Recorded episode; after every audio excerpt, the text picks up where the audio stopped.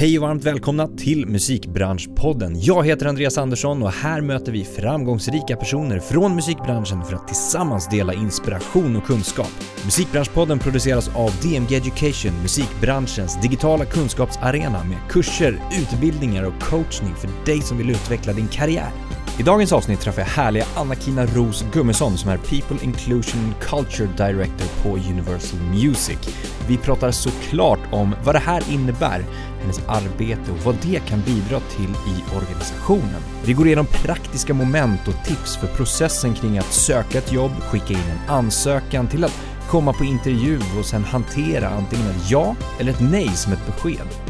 Vi pratar även om hur musikbranschen kan komma ifrån att vara en ankdamm och hur vi konkret behöver jobba för detta. Samt väldigt viktiga frågor såsom psykisk ohälsa. Det här och såklart mycket mer. Vi kör igång! Anna-Kina Ros Gummesson, välkommen till Musikbranschpodden. Tackar! Hur mår du? Jag mår jättebra, hur mår du? Jättebra. Ja. Det känns som att du är på strålande humör. Du kom in här och liksom bara tillförde massa energi. Ja, gud vad skönt. Ja. Det uppskattar jag, tack. Och nu när vi har suttit och pratat här lite innan också så känns det också som att du har ehm, bra energi och är, det kommer vi in på, men passionerad över ditt jobb. Verkligen. Eller Mm. liksom det du gör och det du bidrar till eh, på något sätt. Och det är viktigt. Ja, verkligen. Det är ju helt avgörande skulle jag vilja säga. Mm. Jag tycker det. Å andra sidan skulle jag ju bli besviken eller om jag var du skulle jag bli besviken om, om dina gäster inte kommer med passion för sitt jobb eller det de ska komma och prata om faktiskt. Mm. Ja men så är det, de, de flesta har ju det. Men, du, ja, men det var lite extra idag på något Mm, sätt. härligt. Eh, kändes det som en fredag, fredagsfeeling. Ja. Mitt i veckan. Ja, gud, då väntar vi på AWn då eller? Ja, precis.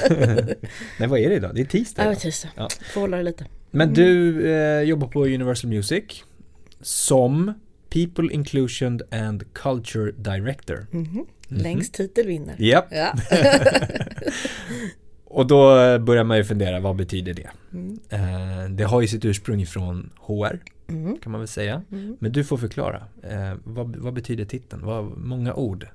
Många ord och mycket att, att fylla, Ja, tänker jag. Exakt. Ehm, precis som du säger, det kommer ju från HR egentligen. Men HR har ju utvecklats genom åren. HR, alltså Human Resource, det handlar ju om människor i grunden, people. Mm. Eh, inclusion är ju inkluderingsbiten, att få alla känna sig inkluderade.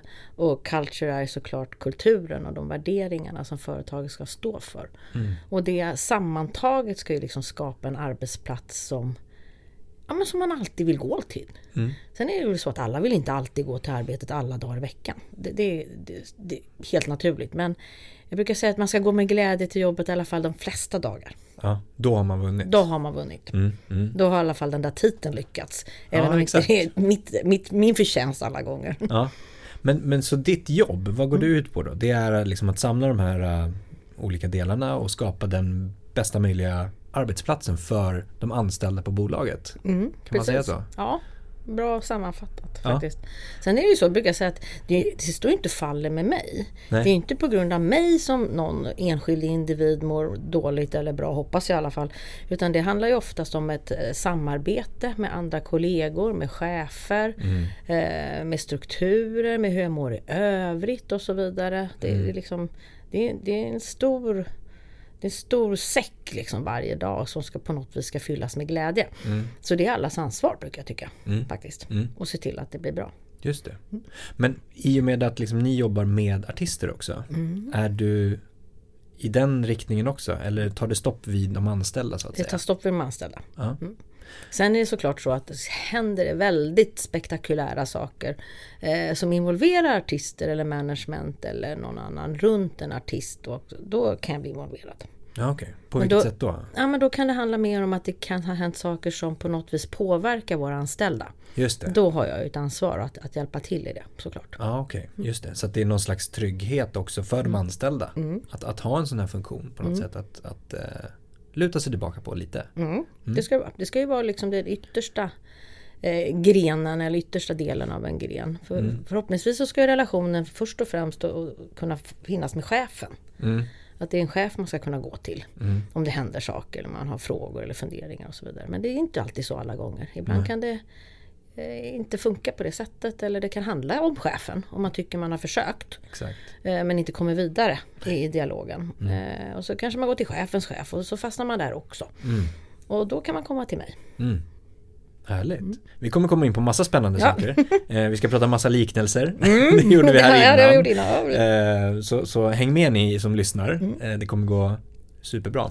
Men det här med som att den har gått från HR. Eh, varför har det blivit mer åt det här hållet? För jag har sett andra bolag som också har liksom, utvecklat den titeln HR till exempel.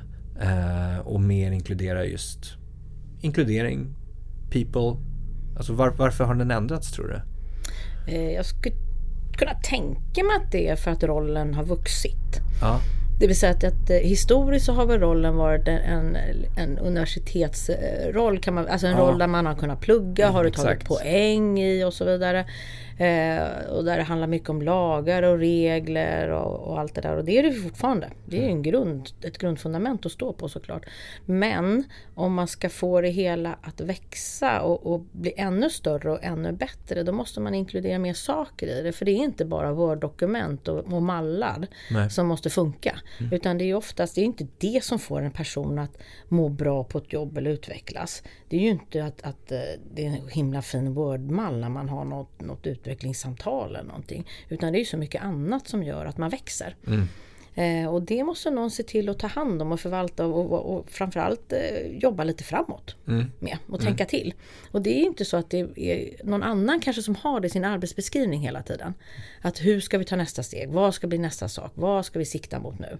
Det kan det ju vara inom den området man är ansvarig för som chef. Mm. Men, men inte när det gäller hela tiden hur jag ska utveckla medarbetarna och hjälpa dem. För jag tycker, alltså, vi, vi, må, vi har ett ansvar att se till att värdeaddera till medarbetarnas CV. Mm. Det är vårt ansvar som arbetsgivare. Eh, och det är inte alltid tror jag cheferna tänker att de, det är det de gör Nej, på daglig basis. nej. Eh, och då måste man hjälpas åt lite i det. Just det. Mm. Men har det blivit mer, en, en större roll då? När det liksom har inkluderats fler delar också? Har det blivit mer arbete för din del till exempel då? Ja, det skulle jag nog säga. Absolut. Ja. Mm. Men det går ändå att eh, hantera så att säga. Ja, alltså, men grejen är ju lite att sätter du ett bra grundfundament så det ligger och rullar, det är som vilket bolag som helst, ligger och rullar det du har kommit fram till att så här ska vi göra, så här. Här har vi budgetarbete, här har vi julfest, här har vi det här och så vidare. Det ligger och rullar ganska repetitivt år ut och år in. Utan det man kan addera till då det är det här utvecklande bitarna Mm. som faktiskt adderar till och som oftast utvecklar också medarbetarna och som kan värdeaddera just till deras CV och så vidare. Då kan det handla om det här med utbildning, föreläsningar, eh, inriktningsändringar, de diskussioner vi brukar ha med er ibland.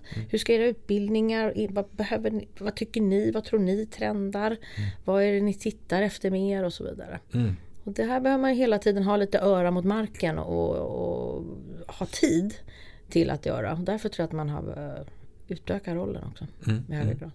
Men om man tittar på din daglig, dagliga, liksom, vad gör du för någonting? Det du, du pratade om att du gör massa olika saker på övergripande plan, men en, en eh, vanlig dag på jobbet, vad skulle det kunna innebära? Sitter du, vi kom, bara för att förstå Mm. lite bakgrund och förstå lite eh, samtalet vi kommer ha framåt när vi Mm. går in på anställning och lite ja, sådana ämnesområden. Mm.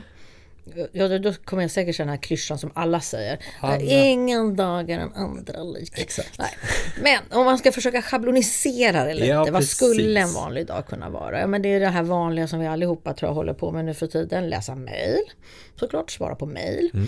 Och då kan man ju undra så här, nu förlåt att jag går ner och Ja. grötar, men vem, vem eh, mejlar du med då så att säga? Är det eh, kandidater för kommande Ja, anställningar? kan det vara. Kan vara det. Det kan vara eh, alltså, de som söker arbete. Det kan vara chefer som har frågor. Det kan vara medarbetare som har frågor.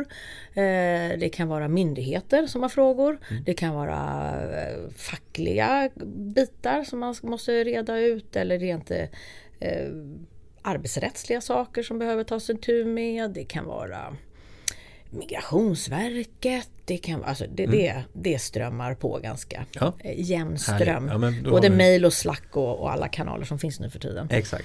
Så, så lite sånt som alla håller på med, tänker jag. Eh, mycket möten. Mm. Jag brukar försöka tänka att det är för ibland kan det, och det kan jag tänka mig att många känner att herregud hela dagen gick åt till möten. Eh, men det är i mötet oftast det händer grejer också. Det är där man får eh, läsa av varandra, höra det som kanske var skrivet innan, kläs i ord mm. och, och, läsa av en känsla i rummet eller vad tycker du egentligen när du säger att du är ledsen eller skriver eller att du känner dig besviken.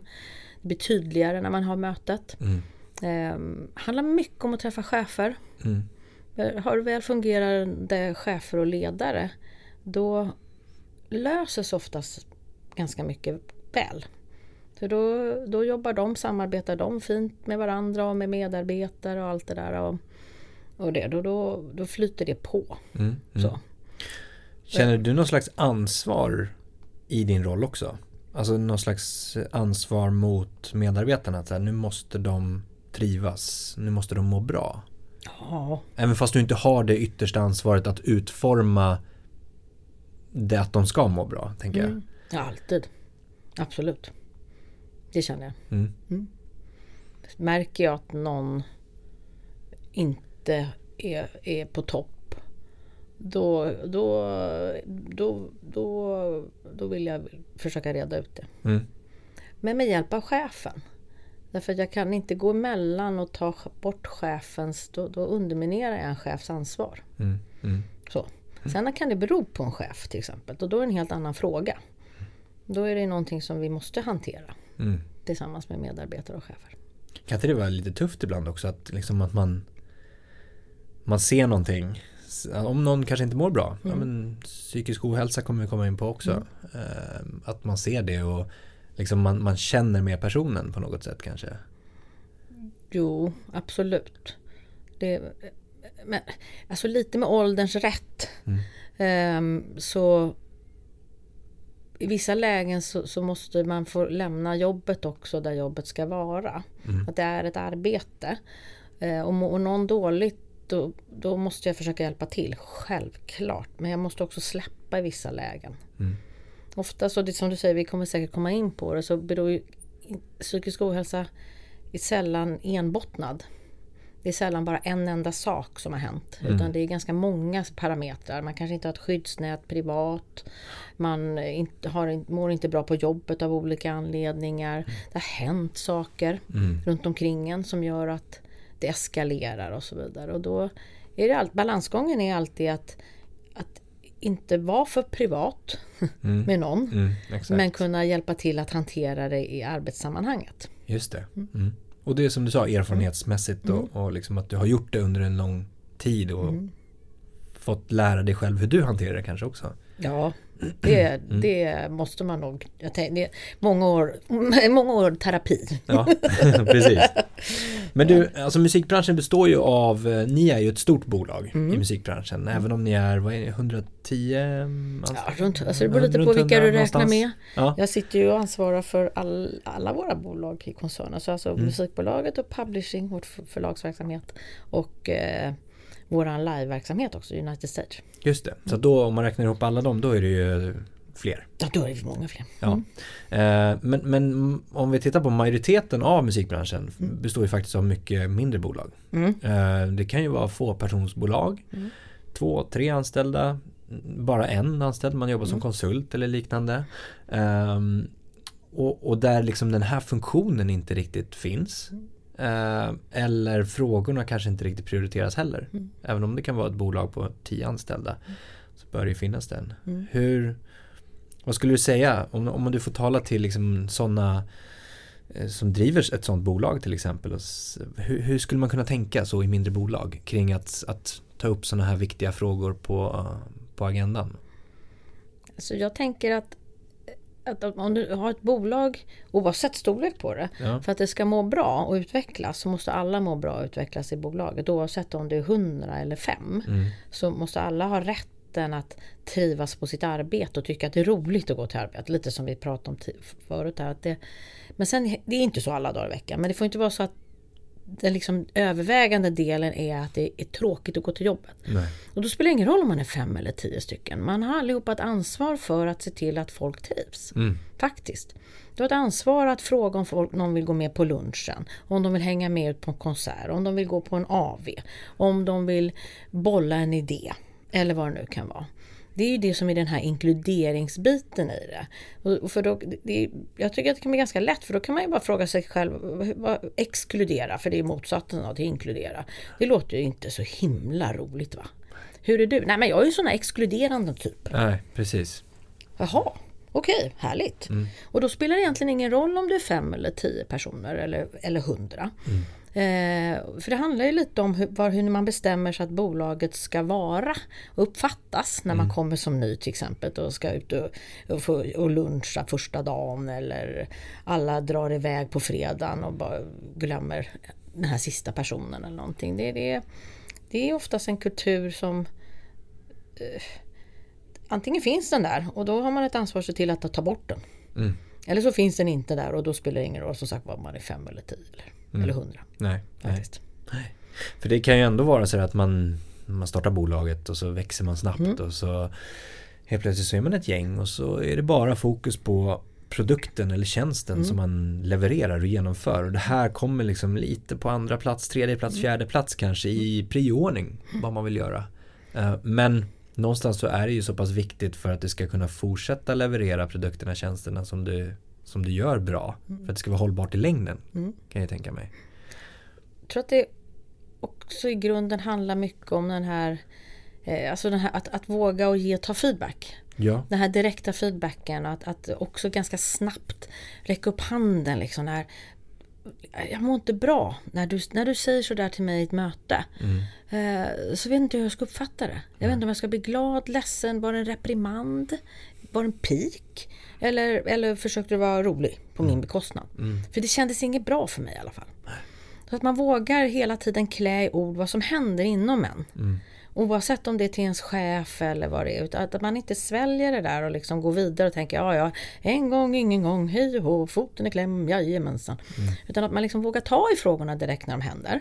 Och, och jag tror att det är superviktigt både på, på de här små bolagen och de stora bolagen. För att kommer man ny in i en bransch så är man oftast eh, man vill ju göra ett gott intryck och man vill inte vara den där besvärliga medarbetaren som börjar gnälla tycker man om saker och ting. Mm. Men jag tänker att det är inte det det handlar om.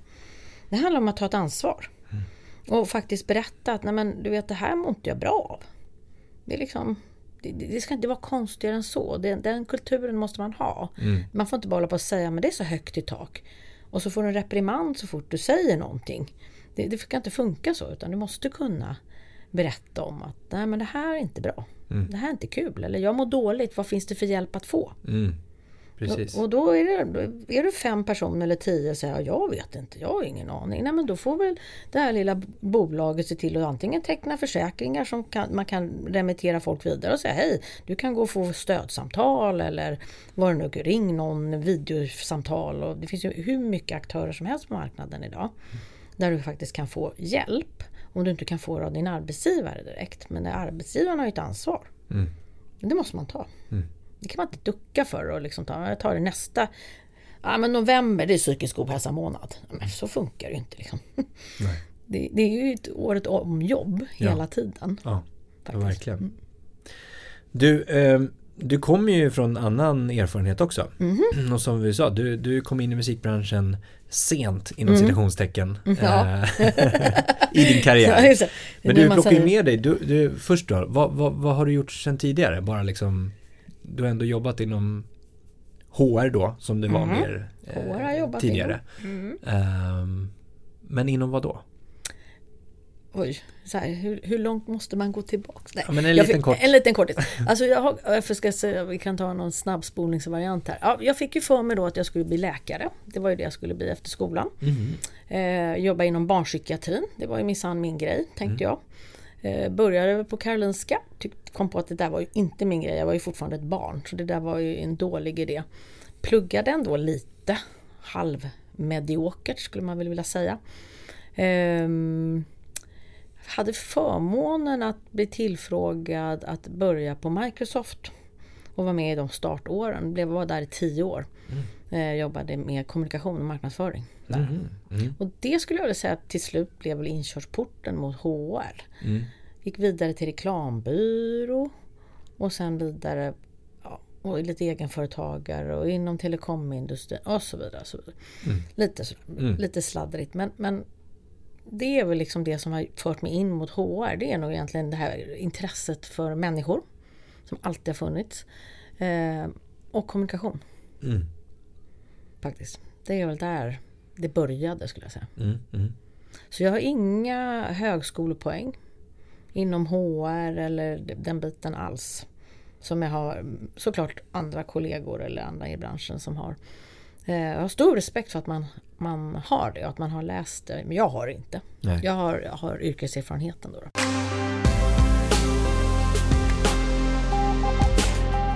Och då kommer vi till frågan, hur kom du in i musikbranschen då? då? Men det kan man ju också undra. det, var ett, ett det, det var för att man sökte en person eh, akt- aktiv som skulle in och täcka två dagar i veckan. Okej. Och det blev jag. Ja. Och då aktivt sökte du, du hittade den och... Nej, faktiskt inte. Nej. Utan det var, var, var via ett, ett, eh, ett uppdrag som de hade lagt ut på ett annat eh, Jaha. företag. Så att, Ja, okej.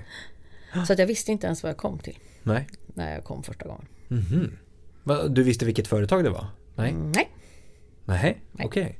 Så du blev liksom in, in, inslängd på det sättet och så här, Ja. nu, nu ska du... Här, varsågod. Okej. Och hur, när du väl kom och insåg vad det var för någonting då? Att det handlade om ett musikbolag?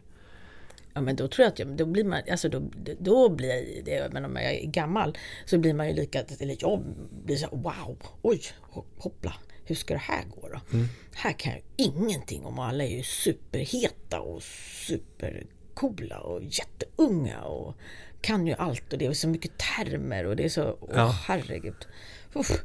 Men Alltså man tar ju med sig olika saker, var man än kommer ifrån. Det är det som jag tycker blir så bra med den här inkluderingsbiten. Och, och, och, och som vi har liksom pratat om lite tidigare, det här att ehm, det, musikbranschen behöver ju en bredd som man inte kanske historiskt har haft.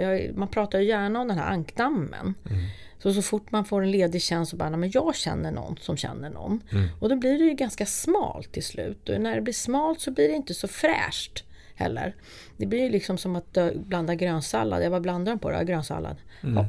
Okej, hade du något mer? Nej, det var bara grönsallad. Hopp. Ja, det var ju kul. Det kanske inte är kul alla dagar i veckan. Och, och, och man behöver den här bredden och få in nya infallsvinklar och andra människor med allt ifrån olika erfarenhetsområden, olika bakgrunder, olika ålderskategorier och så vidare. Och så vidare. Och där behöver du gamla och unga och mittemellan och, och det. Mm. Och, och det tror jag är otroligt nyttigt för oss. Den resan och den diskussionen som det har varit Mm. Kring det hela. Mm. Och det tog tog väl jag med mig in i musikbranschen också. Att, att men här, här kommer någon som är liksom 50 plus. Eh, ing, aldrig varit inom musikbranschen, aldrig ens funderat på det. Nej. Hade ingen aning om, fick ju googla varenda term i början. A&R. Ja, Och ni som, jag kan ju bara säga, vill ni googla A&R gör det. Men ni kommer få jättemånga beskrivningar som inte har med musikbranschen att göra. Otroligt förvirrande i början. och så vidare. Så att, så att det, det, och alla behövs Ja. faktiskt. Ja. För att det ska bli bra på slutändan. ja. Vad, vad var liksom din direkta mm, utmaning då? När du började liksom arbeta? Mm, det var nog den här, alltså att det var en ganska ankdams, eh, ankdamsaktig eh, bransch skulle Ja. jag vilja säga. Och, och att, det, att det fanns en, en känsla av att, att man inte var behövd. Mm. Att det alltid var en, en liksom, ja jag passar inte, det står hundra stycken och väntar på ditt jobb här utanför. Exakt. Och det är ju faktiskt, det är, det är ju extremt deprimerande Mm. om man driver ett företag på det sättet brukar jag tänka. För det är ju liksom, det är som om du skulle ha en familj eller en partner att leva med. Och hela tiden varje gång du kommer hem varje dag och öppnar dörren så får du känslan av att ja, jag är ju helt utbytbar. Det står ju hundra till och väntar på att liksom flytta in här istället för mig. Mm. Det är ju inget roligt. Det, det föder ju sällan framgång. Nej. Du blir osäker och, och det där. Och det, det är en ohärlig känsla. Mm.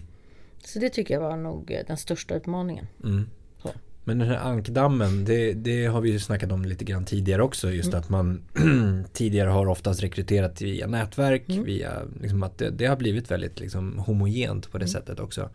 Hur, nej men hur kan man komma ifrån det rent praktiskt då? Ehm, det är ju väldigt så de senaste åren att alla vill jobba med breddning av rekrytering till exempel i nya kanaler mot nya grupper, vad det nu skulle kunna vara. Mm. Eh, Hur, hur kan man rent praktiskt jobba med att det inte ska bli en ankdamm?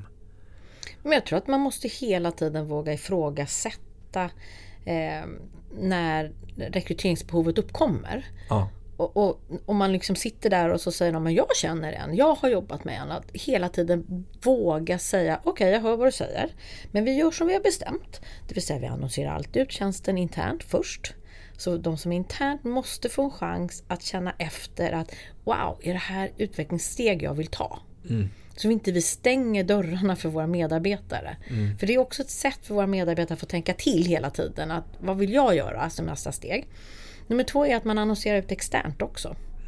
Och faktiskt sänker kraven hela tiden i det man annonserar ut.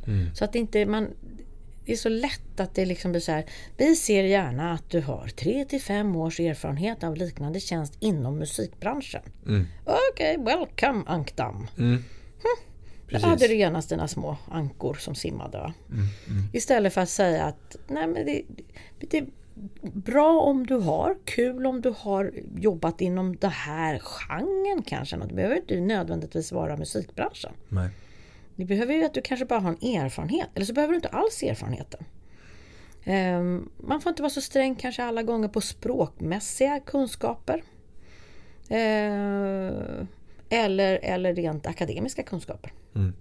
Då målar du också in ditt hörn ganska snabbt. Mm. Så att man liksom tänker till på vad man skriver. Ta hjälp om man är osäker. Vi har en lång väg att gå också på Universal, absolut. Inte, inte ett arbete vi klarar med på långa vägar. Men att vi, vi börjar definitivt bli bra mycket bättre på att hela tiden eh, inte bara leta i, liksom i, i vår närmsta mejlkontaktlista Mm. efter nästa person. Nej. Utan hela tiden titta efter andra möjligheter. Mm, mm.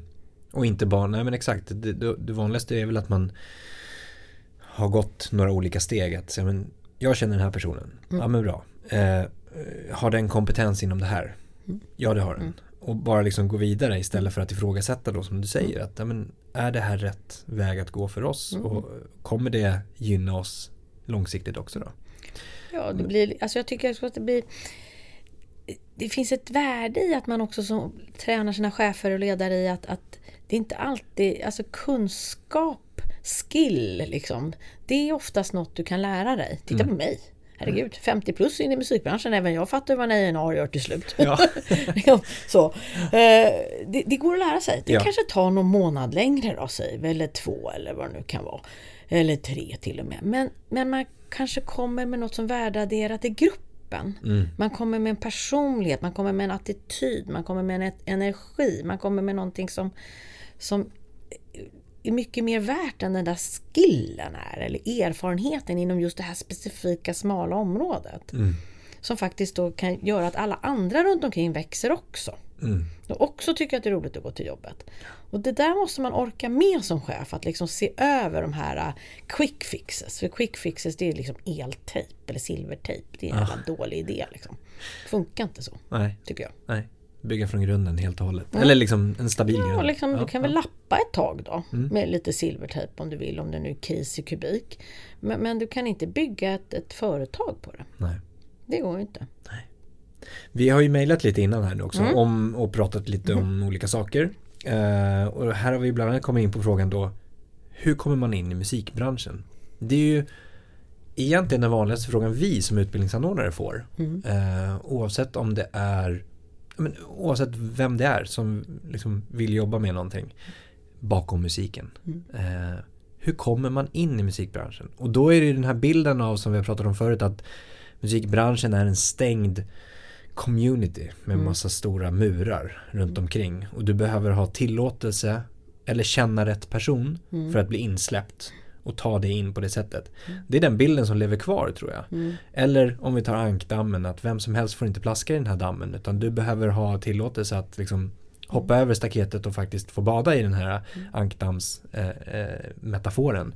Ehm, det är ju liksom förhoppningsvis mm, ett, ett mer öppet en öppen bransch som vi alla nästan vill mot eller de flesta vill i alla fall mot den. Ehm, Men om du får tala till dem då, om den utmaningen, hur, hur tar man sig in i musikbranschen? Alltså jag tänker så här att det beror lite på vad du vill göra i musikbranschen. Mm. Eh, som sagt jag får ju hundratals, eller läser hundratals CVR.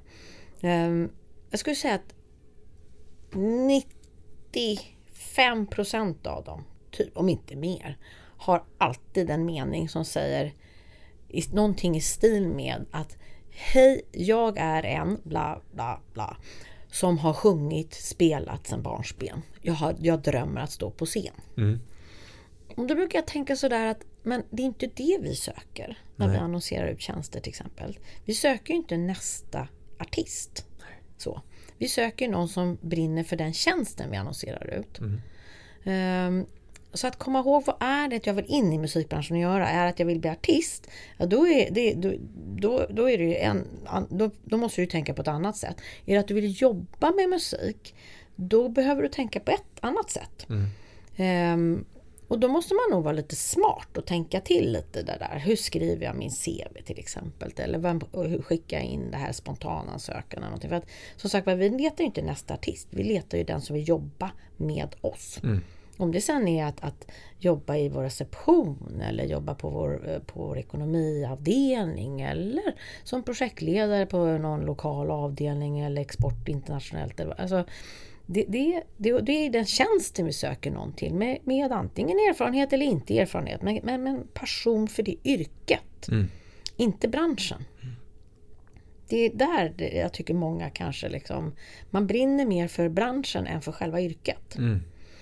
Eh, och vi letar ju någon som brinner för yrket. Mm. Exakt. Faktiskt. Ja. Ja.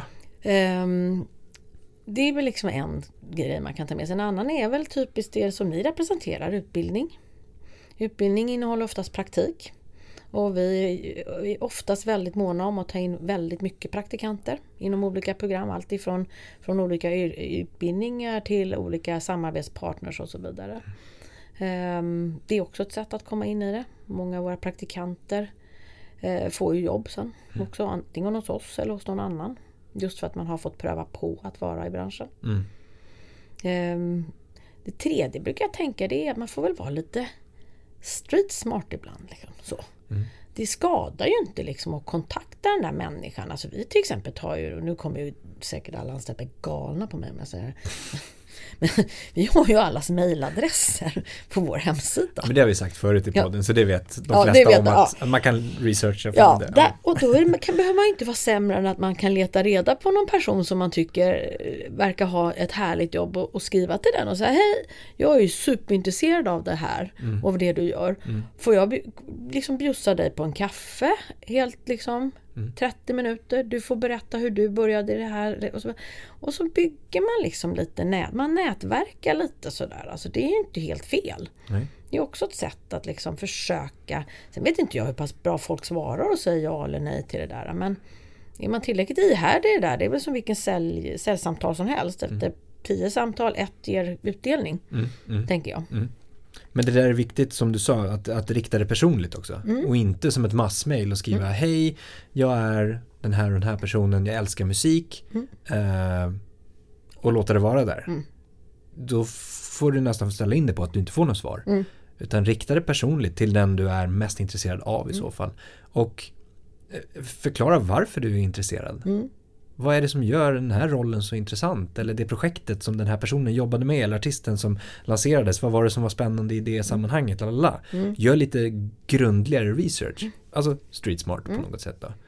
Jo, men, jag menar, det är så mycket information idag som ligger på nätet. Så att det, går så, det går att få reda på så mycket Mm. om man vill. Mm. Så man kan alltid förbereda sig tänker jag på ett, på ett sätt idag. Mm. Eh, som man kanske inte kunde för 20, 30, 40 år sedan. Liksom.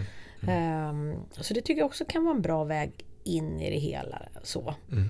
Ehm, det som inte funkar kan jag säga sådana saker som det är när, folk eh, kontaktar kanske mig till exempel och säger jag kan göra vad som helst, jag kan jobba gratis. Mm. Det är så nej, men det funkar inte så. Det får man inte i Sverige. Mm. Det är olagligt. Så, därför jag säger utbildningar och praktik. Det får man göra. Mm. Men, men annars så blir det svårt. Mm. Till exempel. Och att man... Ja, nej, men att man är, man är lite proaktiv i det. Det skadar inte. Men som du säger, inga massmejl. Tänk till vad man, vad man skickar till vilken person. Jag kan ge ett tvärtom exempel. Det är som när, när de som då vill bli artister Mm. skickar till, till alla. Inklusive en sån som mig då. Jag, jag sitter ju inte och bedömer. Titta här, lä, lyssna på min musik. Nej. Nej. Det kommer jag inte hinna tyvärr. Nej. Och det här blir lite, och det blir samma grej när man söker sitt jobb. Vill du verkligen frå- fråga dig själv också vad du vill?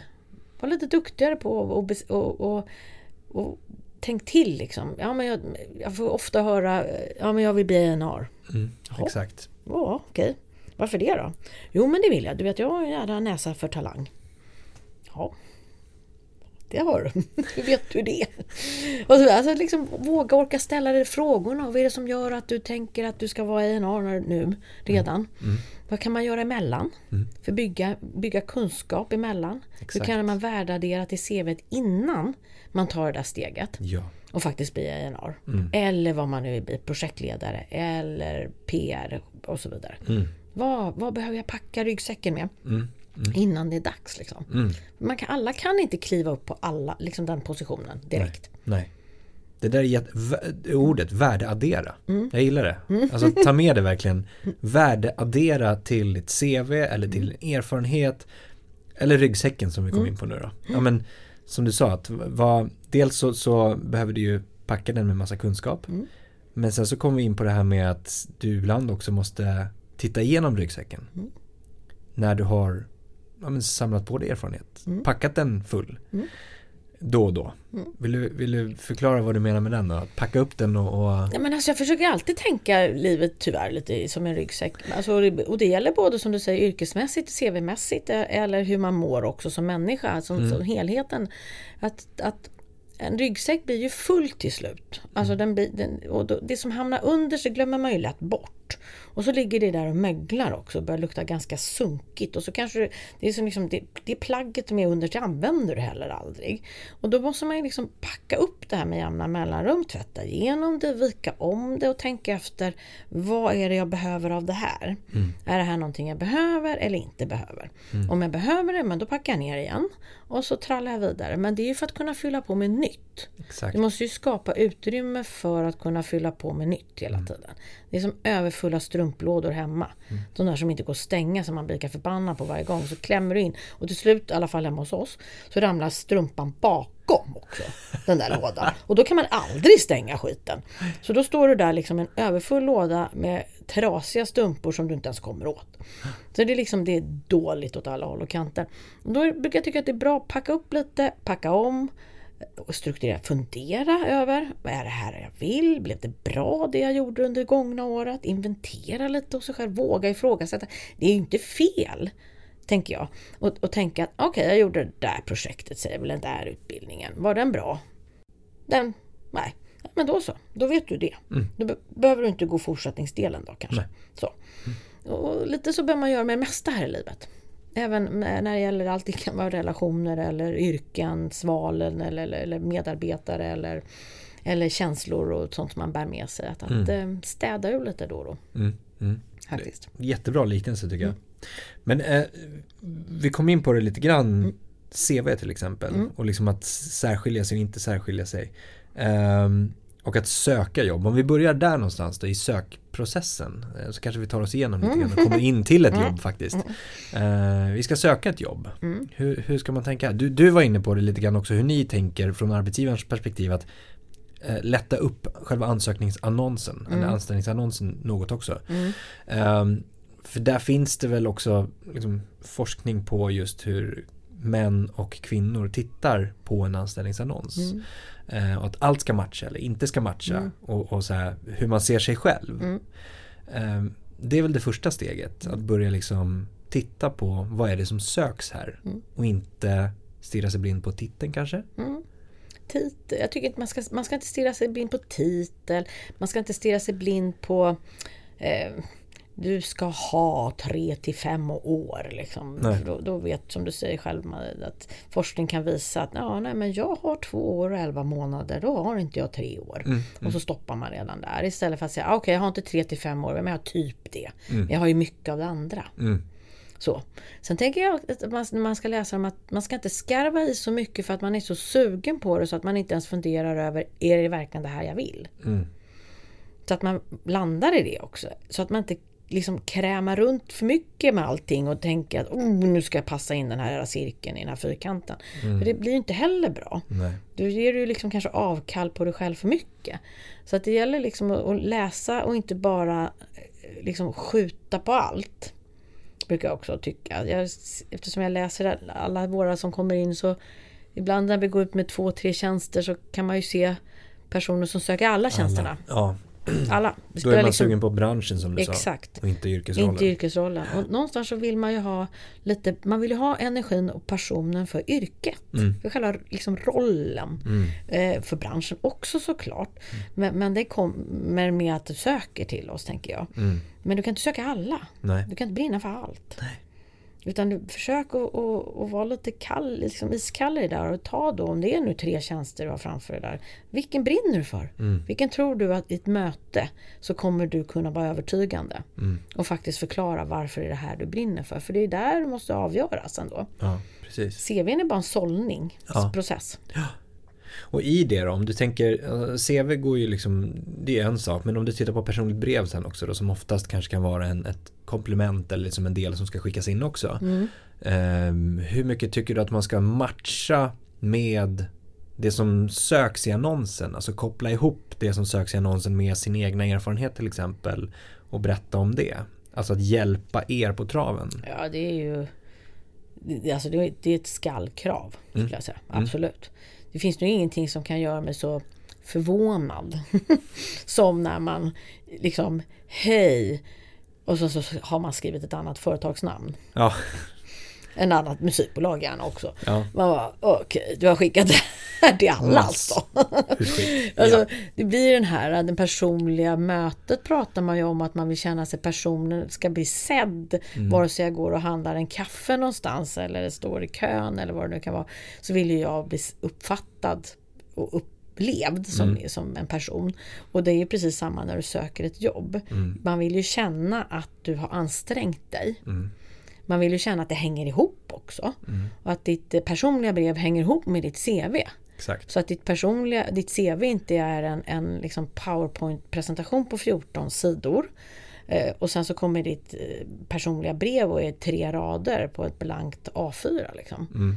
Det blir också så här, wow, vad hände här då? Det känns liksom, så att det gäller att, att eh, lägg ner lite tid på det där. Tänk till vad du vill med det. Eh, Det behöver inte vara snyggast och jättehäftigt layoutat eller någonting. Men det måste ändå visa att du brinner för, för det du ska göra hos oss. Mm, mm. Hur personlig tycker jag man ska vara i, i det personliga brevet? Hur mycket ska man berätta om sig själv och sin, sitt privatliv eller vad man säger? Jag tycker man ska göra precis det man själv känner för. Ja, Faktiskt. För att det är ändå du själv. Och det är du själv som avgör. För det är ändå den personen du kommer vara på jobbet sen också. Så det är himla dumt om du översäljer dig och blir väldigt privat och, och berättar liksom hela din bakgrund i ett personligt brev. Och sen så när du kommer till ditt jobb så är inte det alls, det går inte det hand i hand med vad du har liksom presenterat. Så det är ju bara dumt. Det är väl bättre att man är den man är. Och är glad och stolt över det. Och det är det man väljer att berätta också brukar jag tänka. Och det är, vill man berätta mer om sig själv privat så gör det. Vill man inte göra det så gör det inte. Det är liksom inget tvång på det. Nej. jag. nej. Kan, kan, kan det vara till nytta av att skapa liksom lite intresse också? Att inte berätta allt i ett personligt brev? Att liksom du, du skapar lite nyfikenhet hos er att så här, men det här vill jag nog veta mer om också. Ja, absolut. Om, om eh, någon har en CV som, som är väldigt intressant med olika grejer som den har gjort så kan man ju bli så här, gud det där och så, så touchar man bara det i det här personliga brevet. Då blir man ju såklart nyfiken.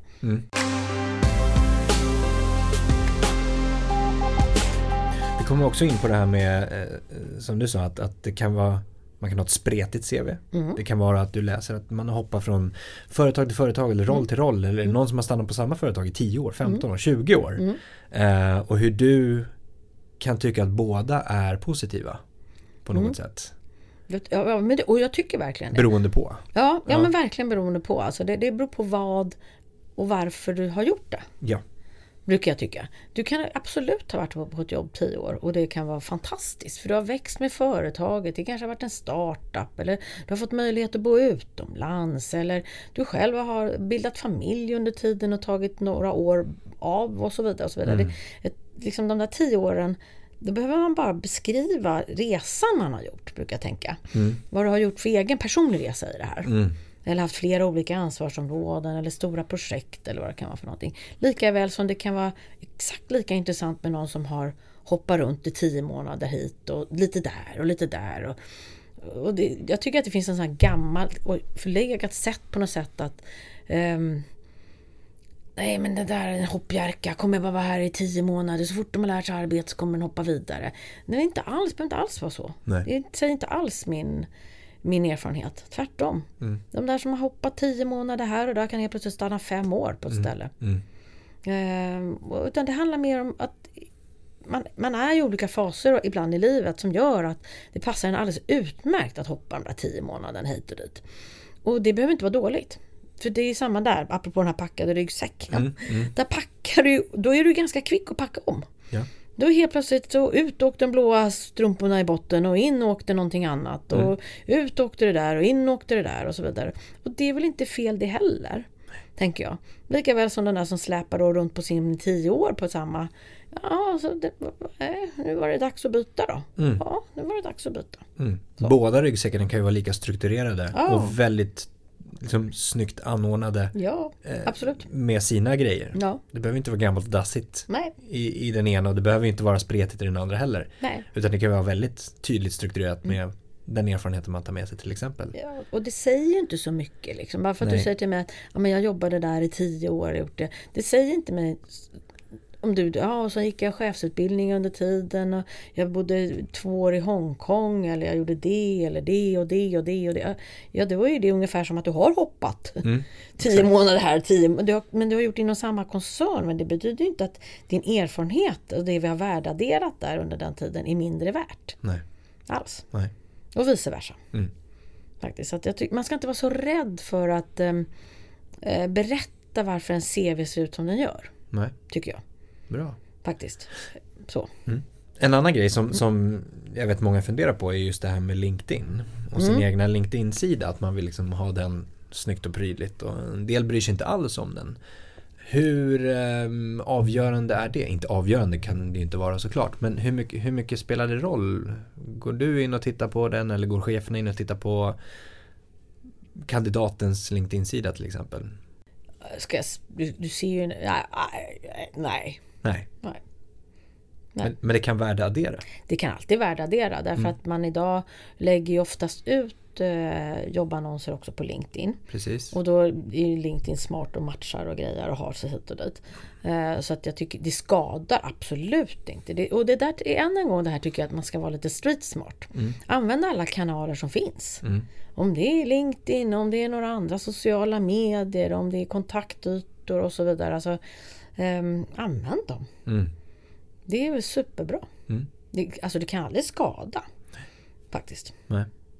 Tänker jag. Om vi, om vi går vidare i vår process nu då. Mm. Nu har vi blivit kallade på intervju. Mm. Eh, på intervju. Och, och, nu har vi liksom gått igenom hela den här urvalsprocessen och, mm. och kommit till det steget. Mm.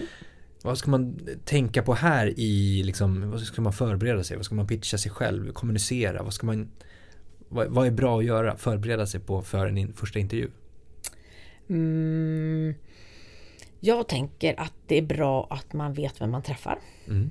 Och det är där nätet är väldigt bra. Därför att det går ju alltid att, att eh, se till att, att googla folk och kolla upp dem och vad har de gjort och vilka sammanhang de synts i och så vidare. Så då vet man ungefär vem det är, vilken typ av människa det är man möter.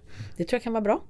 Jag tror att det är bra att man åtminstone vet att man precis har läst Alltså att man har förberett sig liksom för tjänsten man söker. Mm. Så att man eh, inte håller på att blanda ihop termer kanske. Mm. Suttit i intervjuer ibland där man inte har, liksom, har koll riktigt på vilken tjänst det är man söker. Nej. Så. Sen är det ju alltid så att det är väl härligt om man, om man kommer in och har lite energi. Mm. Tänker jag. Det är ju alltid, för, och det ska man komma ihåg ibland tänker jag. Att, och det här är för, företag är jätteolika i det här. Så det, det finns ingen liksom, sanning i det här egentligen på sitt sätt. Men en del är ju så att då kör de alla sina kandidater på ett bräde en dag. Jag brukar försöka undvika att man gör det därför att man blir ganska trött i huvudet när man intervjuar för många personer på raken. Men man kanske träffar två, tre då säger vi en dag. Eh, och då gäller det ju att, att man håller ångan uppe vid den som intervjuar men också den som kommer. Mm. Att den också kommer in och från början är med. Mm. Och faktiskt har, har den här energin lite och har eh, kanske glimten i ögat eller har liksom tänkt till på lite vad det är man vill ska komma fram. Mm. När man blir intervjuad. Mm. Faktiskt. Men om man är superintrovert. Mm.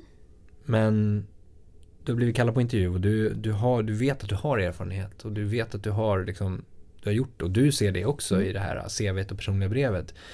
Ska man koppla på någon slags extra boost att, att vara, liksom som du sa, väldigt energisk eller liksom på, framåt? Eller ska man Nej, alltså, så här, man ska ju inte ge avkall på sitt sanna jag. Det är ju jätte jättedumt för då blir det ju att du försöker vara något du inte är. Mm. Och då säljer du in alltså, något som du sen inte kan leva upp till. Mm. Och det, det, tror jag är typiskt en sån här grej som kan skapa att du mår dåligt. Mm. Så det tror inte jag är bra. Men däremot så tror jag inte det då skadar att till exempel säga det. Att, att, för man pratar ju ofta om men hur är du, hur uppfattar dina liksom, kollegor dig och så vidare. Då skadar det väl kanske inte att i en sån situation säga att nej men jag tror att folk uppfattar mig som att jag kanske är lite tystlåten eller jag är inte den som tar störst plats i rummet. Mm. Det betyder inte att jag inte vågar prata eller inte har en åsikt. Men jag kommer inte vara den som hörs och syns mest hela tiden. Mm. Men det kan vara positivt Och det kan ändå. vara otroligt positivt för att mm. alla kan ju inte vara där och stå och skrika hela tiden. Nej och stå och höras mest. Utan för att gruppen ska må bra så behövs ju alla. Mm. Alla typer. Mm. Och, och, då kan det precis vara som hand i handsken på det den här chefen söker just då. Mm. Så att det är där jag tror att det är bra att man är ganska ärlig med vad man själv eh, Jag brukar, brukar faktiskt fråga dig också, vad mår du bra av? Vilken typ av ledarskap kommer du må bra av? Mm. Eh, för det betyder inte att du inte får jobbet för att inte den här ledaren är så som du kanske ska ha. Mm. Utan det betyder bara att det är en uppgift för mig att coacha den chefen så han eller hon kan hjälpa dig att må bra. Mm. Det är liksom så att man letar inte, för att jag tror många tror att man letar saker i intervjuer, mm. alltså fallgropar.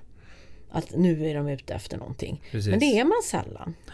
Man är inte ute efter att sätta någon på botten i en sån situation. Utan man är ute efter att hitta hur ska vi kunna klicka på bästa möjliga sätt. Mm i liksom ett, ett större sammanhang. Mm. Hur kompletterar du den här gruppen? Mm.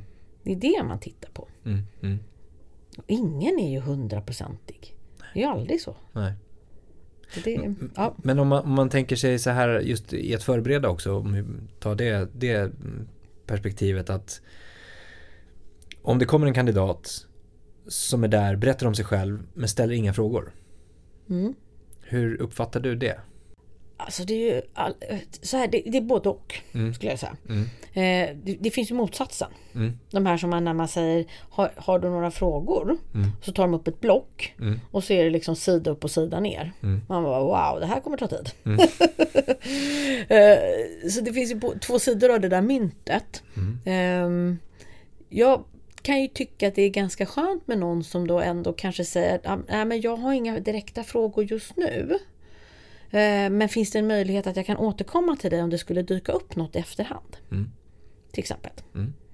Och då kan jag ju säga att ja, nej, men du vet här, du har, vi har haft kontakt medledes, där har alla mina kontaktuppgifter. Du är helt fri att höra av dig mm. när du vill. Mm. För då har man ju ändå sagt att, ja, men jag, för det du säger indirekt till mig då, det är att du kanske är, är du har inga frågor. Mm. mm. Du kanske inte är den typen som rycker frågorna liksom från, från eh, höften, utan du kanske måste hem och fundera lite och suga på karamellen. Mm. Och då kanske kommer en fråga. Mm. Och det är helt okej. Okay. Men att, att vara helt blank, den är ju alltid svår. Att liksom när någon är helt det här. Har du några frågor? Hej. Mm.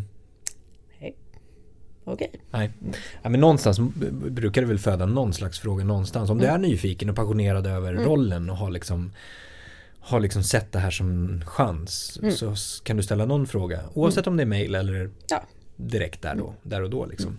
Men jag tänker så här att, att eh, nu har vi gått igenom intervjun. Mm. Eh, sen så kommer vi få, ja vi kanske går igenom flera intervjuer och så. Mm. Men, men vi snabbspolar lite grann och då kommer vi få ett besked att vi antingen får ett jobb eller inte får ett jobb. Så är det ju om man söker en tjänst, Mm. en person. Ehm, och lite som vi var inne på just det här med liksom psykiska ohälsan och hur man tacklar sådana beslut och hur man tacklar både liksom att, att sätta sig in i en roll, om vi går den banan först, att du får jobbet, du har en förväntan på dig att leverera, du vill gå in till 110% och liksom göra ditt jobb till 1000%. Ehm, det är ju ett sätt hur, hur man liksom ska tackla det och förbereda sig för det. Mm. Eh, och liksom att, att nu, nu ställer jag massa frågor i, en fråga här nu, men resonera lite också att eh, du, vill, du vill skapa något avtryck själv, vill visa vem du är. Samtidigt så vill du känna in lite om, om kultur och hur arbetssättet är, du vill komma med egna förslag och det kan vara ganska överväldigande Mm. på det sättet. Ehm, och det kanske går ett tag och sen så liksom antingen så tröttnar man, man, Mm. man packar upp ryggsäcken och känner att så här, fasen det här var inte riktigt det jag trodde om de här strumporna. Ehm, om vi går in i den banan först Mm. då, liksom att, eh, hur, hur, kan man, hur kan man tänka själv då som, som, som eh, person som får ett jobb och vill visa framfötterna och, och göra ett bra jobb men samtidigt inte liksom må dåligt av Mår det. dåligt, Ja. Alltså jag brukar, jag, försöker, jag träffar ju alla som börjar hos oss den första tiden. Och då brukar jag försöka prata lite om att eh, alltså man har ju ett, ett öppet fönster precis när man börjar jobba på ett nytt ställe. Eh, och, och man är helt... Alltså man, man suger in allt. Det här fönstret bara strömmar ju in intryck i det här fönstret. Och det är ju kanon liksom. Man är så, man är så redo, man vill göra allt och alla verkar så himla upptagna.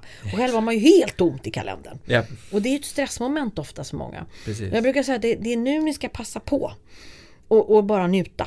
För ni kommer få den där fulla kalendern mycket snarare än ni tror. Eh, och likaså så kommer man ju liksom utan några glasögon. Man är ju helt filterlös. Man har ingen bestämd uppfattning ännu. Man vet ju ingenting. Och det är ett perfekt tillfälle för ett företag att lära sig något nytt.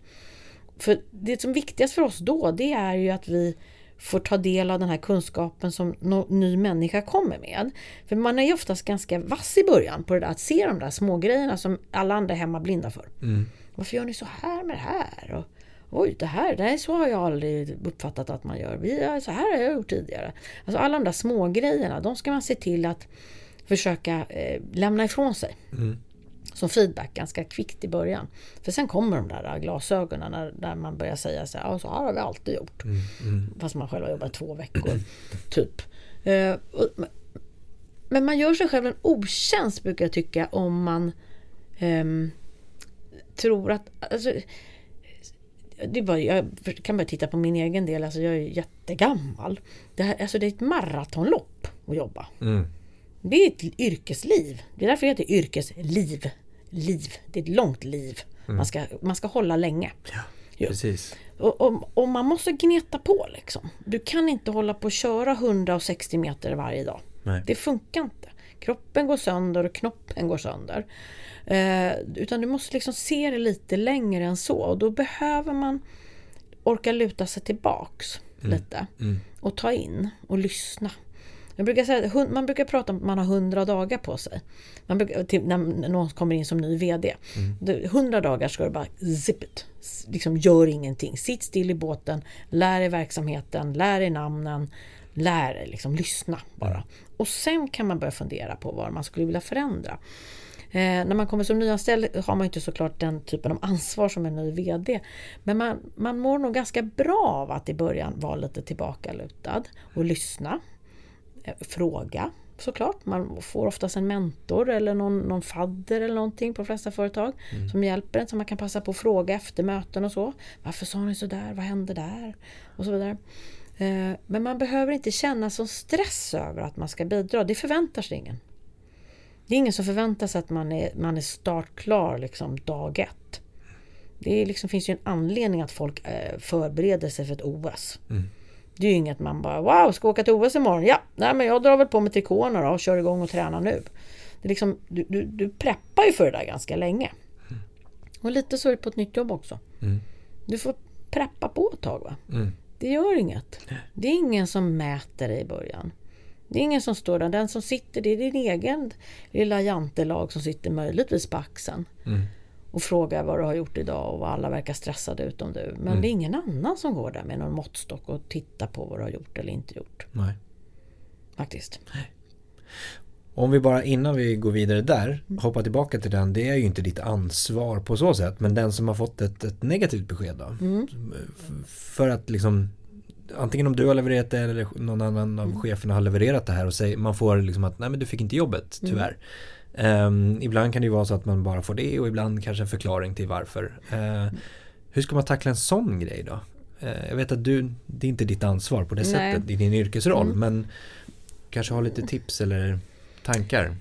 Men alltså det, det är väl så, alltså, Jag tänker att det är ju som ett vilket nej som helst. Alltså det är inte världens ände. Du kommer få, man, får massor med negativa besked under hela livets gång. Och just lite det här med att det är ett yrkesliv. Man kommer gå, äv- även när du får ett jobb och du är i ett jobb och du kanske är på ett drömställe och i din drömposition. Så kommer det inte vara så att du tycker att det är det bästa som har hänt dig varje dag. Det kommer vara massor med motgångar på vägen. Eh, och det är där man lär sig och det är där man utvecklas brukar jag också fundera över och tycka att det är då man liksom har en chans att, att ehm, lära sig lite om sig själv. Eh, Och att man faktiskt när man får det där nejet, vad det än må vara i för sammanhang, om det är ett jobb eller från en partner eller från vad det nu än må vara. Att man liksom orkar titta lite inåt i sig själv och fundera över, okej, det här var inte så kul. Vad blir jag mest ledsen över eller mest besviken över? Är det för att det sätter en massa käppar i hjulet på mig eller var det för att jag såg fram emot det eller för att, ja, vad det nu kan vara för någonting. Men att man orkar också tänka igenom vad det är jag blev så himla besviken över. Och, och försöka hantera det. Hantera besvikelsen i det. För, och det brukar påminna de, våra medarbetare, våra chefer också. Det är bara ett jobb. Faktiskt. Det är bara ett jobb. Det är inte du. Det är inte ditt jag. Det, det här är inte din identitet. Det här är liksom... Jag är ju någonting annat. Jag är Anna-Kina. Det är liksom, jag är inte People Inclusion and Culture lika med Anna-Kina. Det finns ju massor av facetteringar av mig och av dig. Och av alla andra. Och istället bära dem då med, med högt huvud. Ja. När de här andra bitarna inte kanske kan bäras med högt huvud alla dagar i veckan. Och påminna sig själv om att ah, men då är, okej, det där var inte min paradgren tydligen. Hepp. Okej, men de här andra sju är ju det i alla fall. Bra, tack. Puh. Så. Och så damma av sig lite på det. Och så har man rätten att få vara ledsen och besviken. Det har man alltid. Men sen måste man liksom ta sig lite i kragen på något sätt och, och gå vidare. För det kommer inte gå att göra... Alltså det kommer inte komma ett annat besked. Nej. Det är inte så att man kommer ringa två dagar senare och säga hej vi ångrar oss. Mm. Nej. Tyvärr. Nej. Och, och ibland som du säger så får man en anledning. Och ofta skulle jag säga att man inte får det. Om man, har man varit på intervju då är det en annan sak. Då kontaktas man ju alltid, i alla fall hos oss. Eh, har man bara skickat in en ansökan och inte kommit vidare i intervjun då får man ofta ett mejl att vi har gått vidare med andra, kan, and- andra kandidater. Då är det inte helt ovanligt att vi får svarsmejl som är sådär Okej, varför gick jag inte vidare? Mm. Och det är ju helt omöjligt att säga utifrån en mejldialog. Ja. Faktiskt. Ja. Det går inte att säga. Det går inte att säga att ja, det var på grund av mening tre i ditt personliga brev. Nej. Eller det var på grund av det där i din CV. Utan det är ibland, det, det, det är liksom ingen vetenskap i det här. Det är tyvärr. Mm. Mm. Så det går inte att svara på. Och jag kan förstå att man blir frustrerad och besviken då för att man vill ju vässa till det där och det är ju bra att man vill vässa till det. Men eh, ibland finns det ju inte någon sån här superförklaring på allting Nej. Exakt. faktiskt. Nej. Om vi går tillbaka nu till den som är inne och jobbar Mm. i musikbranschen eller precis har kommit in eller är på väg in eller ska liksom få sin första anställning eller LIA eller vad det nu skulle kunna vara praktik. Ehm, det här med att göra raketkarriär har vi pratat om innan också.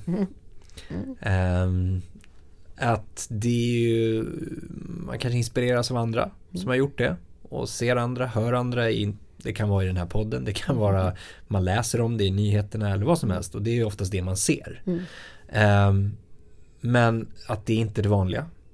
Uh, precis som en liksom, raketkarriär hos en artist så är det ju precis på samma sätt hos en, en vanlig anställd om vi ska kalla det för det. Mm. Um, att det är ett långt arbetsliv, kom vi in på. Mm. Du kan göra massa olika resor och du kan inte gå in på den positionen som är din drömposition det första som händer. Mm. Ingen har i princip gjort det. Mm. Nej, Nej alltså det finns ju säkert undantag. Det finns alltid undantag som bekräftar regeln på något sätt. Men, men alltså med... Jag brukar försöka trösta mig själv och andra med att med positionerna som man drömmer om ibland så kommer ju också ett ansvar. Ja. Alltså du hålls ju eh, ansvarig då för någonting. Mm. Och ju högre position du siktar mot desto större blir ansvaret. Mm. Och desto större blir ju fallet om du inte kan leva upp till ansvaret såklart. Mm. Mm. Och du behöver liksom vara lite rustad för det där. Lite på det som vi var inne på förut med den här besvikelsen när man fått nej eller vad det nu kan vara. Att ju högre positioner, större ansvar, större fall, ju bättre rustad behöver du vara. Mm. Och att bli rustad det kommer lite ibland med erfarenhet och ålder. Och att man har gjort det några gånger tidigare. Mm. Man, man eh, vet hur man ska hantera och tackla det mm. för sin egen del också. Så att man inte får den där eh, ryggsäcken som blir så tung så att man inte håller hela det här yrkeslivet. Mm. Det är ju inte för inte att vi pratar mycket om en psykisk ohälsa. Eh, och att man, man ska må bra av det man gör och vara glad och känna den här arbetsglädjen. Eh, och då den, det, alltså att känna arbetsglädje är inte alltid likställt med en raketkarriär. Nej. Och det behöver man liksom kanske påminnas om lite ibland. Att för att, att kunna nå dit man vill så kanske man måste gå, och det här låter ju så sjukt tråkigt, men det kanske måste gå lite lagom fort ibland. Mm. Det finns ett värde i det här mellanmjölkens land faktiskt. Att, att det får vara lite lagom fort. Mm. Därför att du själv ska hinna med. Mm. Och kunna se till att när du väl faller, för alla faller någon gång. Alla stöter på den där motgången när man faller. Men fallet kan inte bli så långt ju högre ansvar du har. Mm. Det får liksom falla lite lagom. Mm.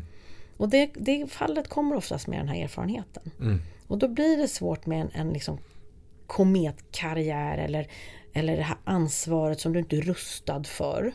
Därför att du har inte liksom befunnit i den här situationen tidigare.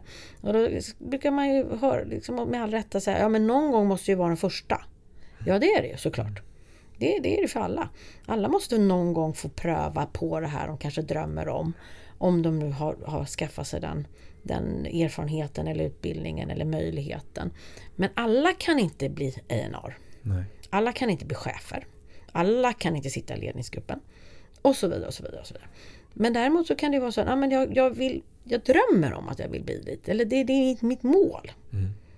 Och då ska vi som arbetsgivare eller företag då kunna hjälpa till med drömmen. Exakt. Men det betyder inte att den kommer ske hos oss. Nej. Det betyder inte att det är hos oss du blir chef. Eller sitter i ledningsgrupp. Eller blir en A&R. Men vi måste kunna värdadera till mm. CVt. Mm. Och hjälpa dig. att Är du chef du vill bli, ja men då ska vi se vad vi kan hjälpa dig för att coacha dig mot det. Mm. Eller vad det nu kan vara för någonting. Mm. Men det kommer inte ske dag ett. Eh, därför det, det, det rimmar liksom inte riktigt då. Nej.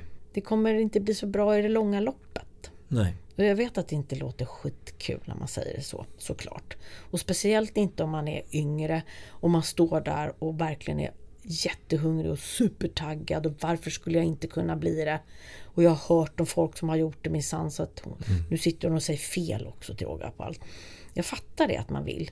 Men man måste komma ihåg att det här är liksom som sociala medier lite. att den här kräftan är så himla röd på den där bilden och ser skitgod ut och i verkligheten. Men det är ju efter 15 filter mm. som den ser jättegod ut. Och lite så är det ju ibland i det du hör också.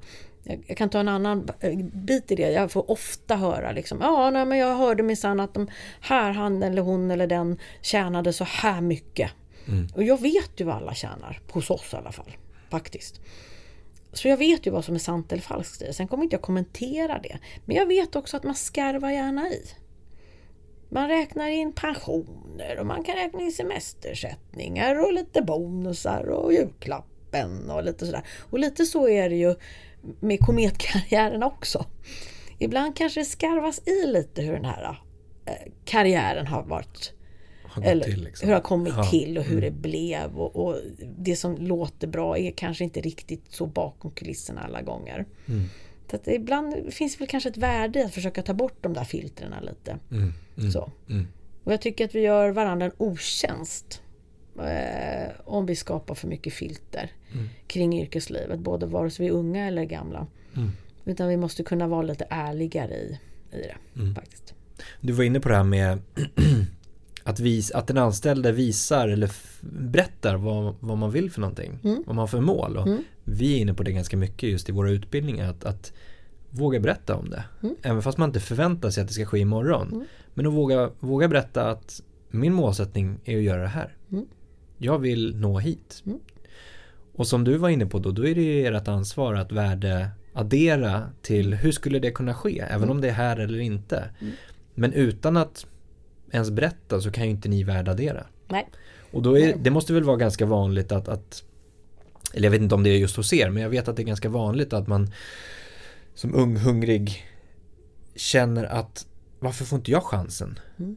Jag, jag vill ju det här. Mm. Ja, men har du berättat det för någon? Har du berättat för dina chefer, för din arbetsgivare, för din omgivning, för din familj att det det är de här målsättningarna du har?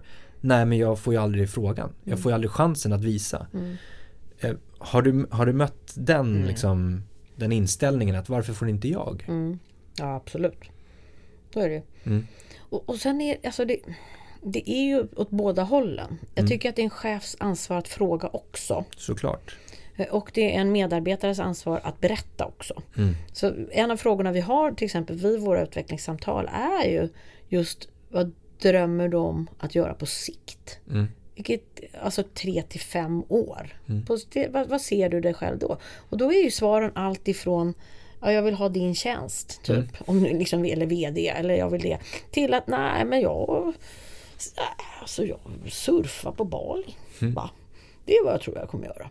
Alltså, och, och det spannet måste vi ha respekt för. Och man får inte känna sig hotad i det Nej. som arbetsgivare heller, eller som chef att någon säger att jag vill ha ditt jobb eller jag vill surfa på Bali. Inget av det ska vara hotfullt utan allt är ju okej i det här. Mm. För, det, för det, då har ju ändå någon uttryckt någonting om vad de vill göra. Mm.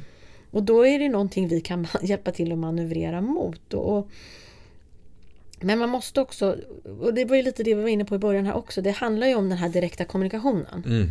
Och den här direkta feedbacken och det här direkta ledarskapet pratar man ju ofta om. Ehm, att, att våga ta diskussionen här och nu hela tiden. Att liksom våga säga de här sakerna när man är medarbetare eller våga ställa frågan som chef. Mm. Eh, för att det är liksom, det, det, det är inte en chefs ansvar att gå runt på morgonen med feta dagmaskar på ett silverfat och så sitter jag där med lite öppen mun som en hungrig gökunge och bara Den där vill jag ha. Liksom, ja, han ska bara matas mig eller hon. Det, är liksom, det, är inte, det är inte grejen utan det är ju ett gemensamt ansvar att driva en utveckling. Mm. Till syvende och sist är det ett personligt ansvar tycker jag. Det är mitt ansvar att driva min utveckling. Mm. Faktiskt. Ja, Men om jag inte berättar för någon vad jag vill då kan jag inte förvänta mig att det ska hända heller. exakt. Faktiskt. Nej. Och det är som i vilken eh, faktiskt privat relation som helst. Mm. Om jag inte berättar för min partner eller mina barn eller min hund eller vad det än må vara vad jag tycker och tänker. Hur ska de veta? Exakt. Ingen aning. Nej. Ja, men det, måste, det borde ni förstått. Mm. Nej. Det Där borde vi faktiskt inte. kommer ju kommunikationen in. Mm. Jätteviktigt. Superviktigt. Faktiskt. Du, vi mejlade lite grann innan också och Mm. sa att så här, men vi skulle nog kunna sitta och prata i fyra timmar om de här frågorna och jag tror faktiskt vi skulle kunna göra det. Eh, absolut, vi får ta liksom en, en, en eh, 2.0 och en 3.0 variation av det här om några veckor. Eh, men vi ska ta avrunda lite grann. Eh, om man tittar på, även om du jobbar liksom med, med de här frågorna som du gör, eh, musikmässigt, Mm. Går du liksom på några konserter och lyssnar på några eh, nya släpp och vad ser du i så fall fram emot? Framåt? Oj jösses. Alltså jag har ju då en 18 och 16-åring hemma. Så jag, och en man som är före detta diskjockey. Eh, så jag får ju då lyssna på allt. Ja, allätarna. ja, allätarna, verkligen. Alltså det lyssnas på allt hos oss. Alltså det, verkligen. Mm. Um, alltså för, om jag får välja. Jag, jag går på konserter, absolut. Eh, ibland går jag för att hålla mina barn sällskap. Då är vi mer liksom på Hovet-varianten, tjuvjakt som kommer nu snart och så vidare. Eh, får jag välja så är jag ju mer, alltså jag gillar ju, alltså, gam, alltså jag är ju helt gammal ABBA. ABBA-frälst liksom. Tom Jones och alla de här. Avicii kan jag såklart tycka jättebra om. Tycker otroligt mycket om många av de nya som vi kommer med. Gillar Hanna Färm och Juni. Samar jag gillar samarbeten har jag kommit fram till. Mm -hmm. Jag bara undrar om det är en åldersgrej. ja, men jag gillar verkligen, jag och Norli KKV och, och, och Benjamin. Så här också. Äh, men det, jag gillar när det blir lite oväntade. Ja. Så, det tycker jag är jättebra. Mm. Härligt. Du Anna-Kina, mm. jättetack för ett trevligt samtal. Tack själv för att jag fick komma. Jättehärligt. Jättestort tack för att du har lyssnat på podden idag. Det uppskattas verkligen. Kom ihåg att följa, stjärnmarkera, gilla, dela, kommentera för att hjälpa till att sprida kunskapen i musikbranschen. Vi vill också jättegärna höra från dig. Vilka utmaningar står du inför? Vad tycker du är svårt? Vad tycker du är lätt? Vad vill du höra? Vad vill du veta? Vad vill du lära dig? Hör av dig till oss på info at dmgeducation.se. Tack för idag och ha en fortsatt härlig dag.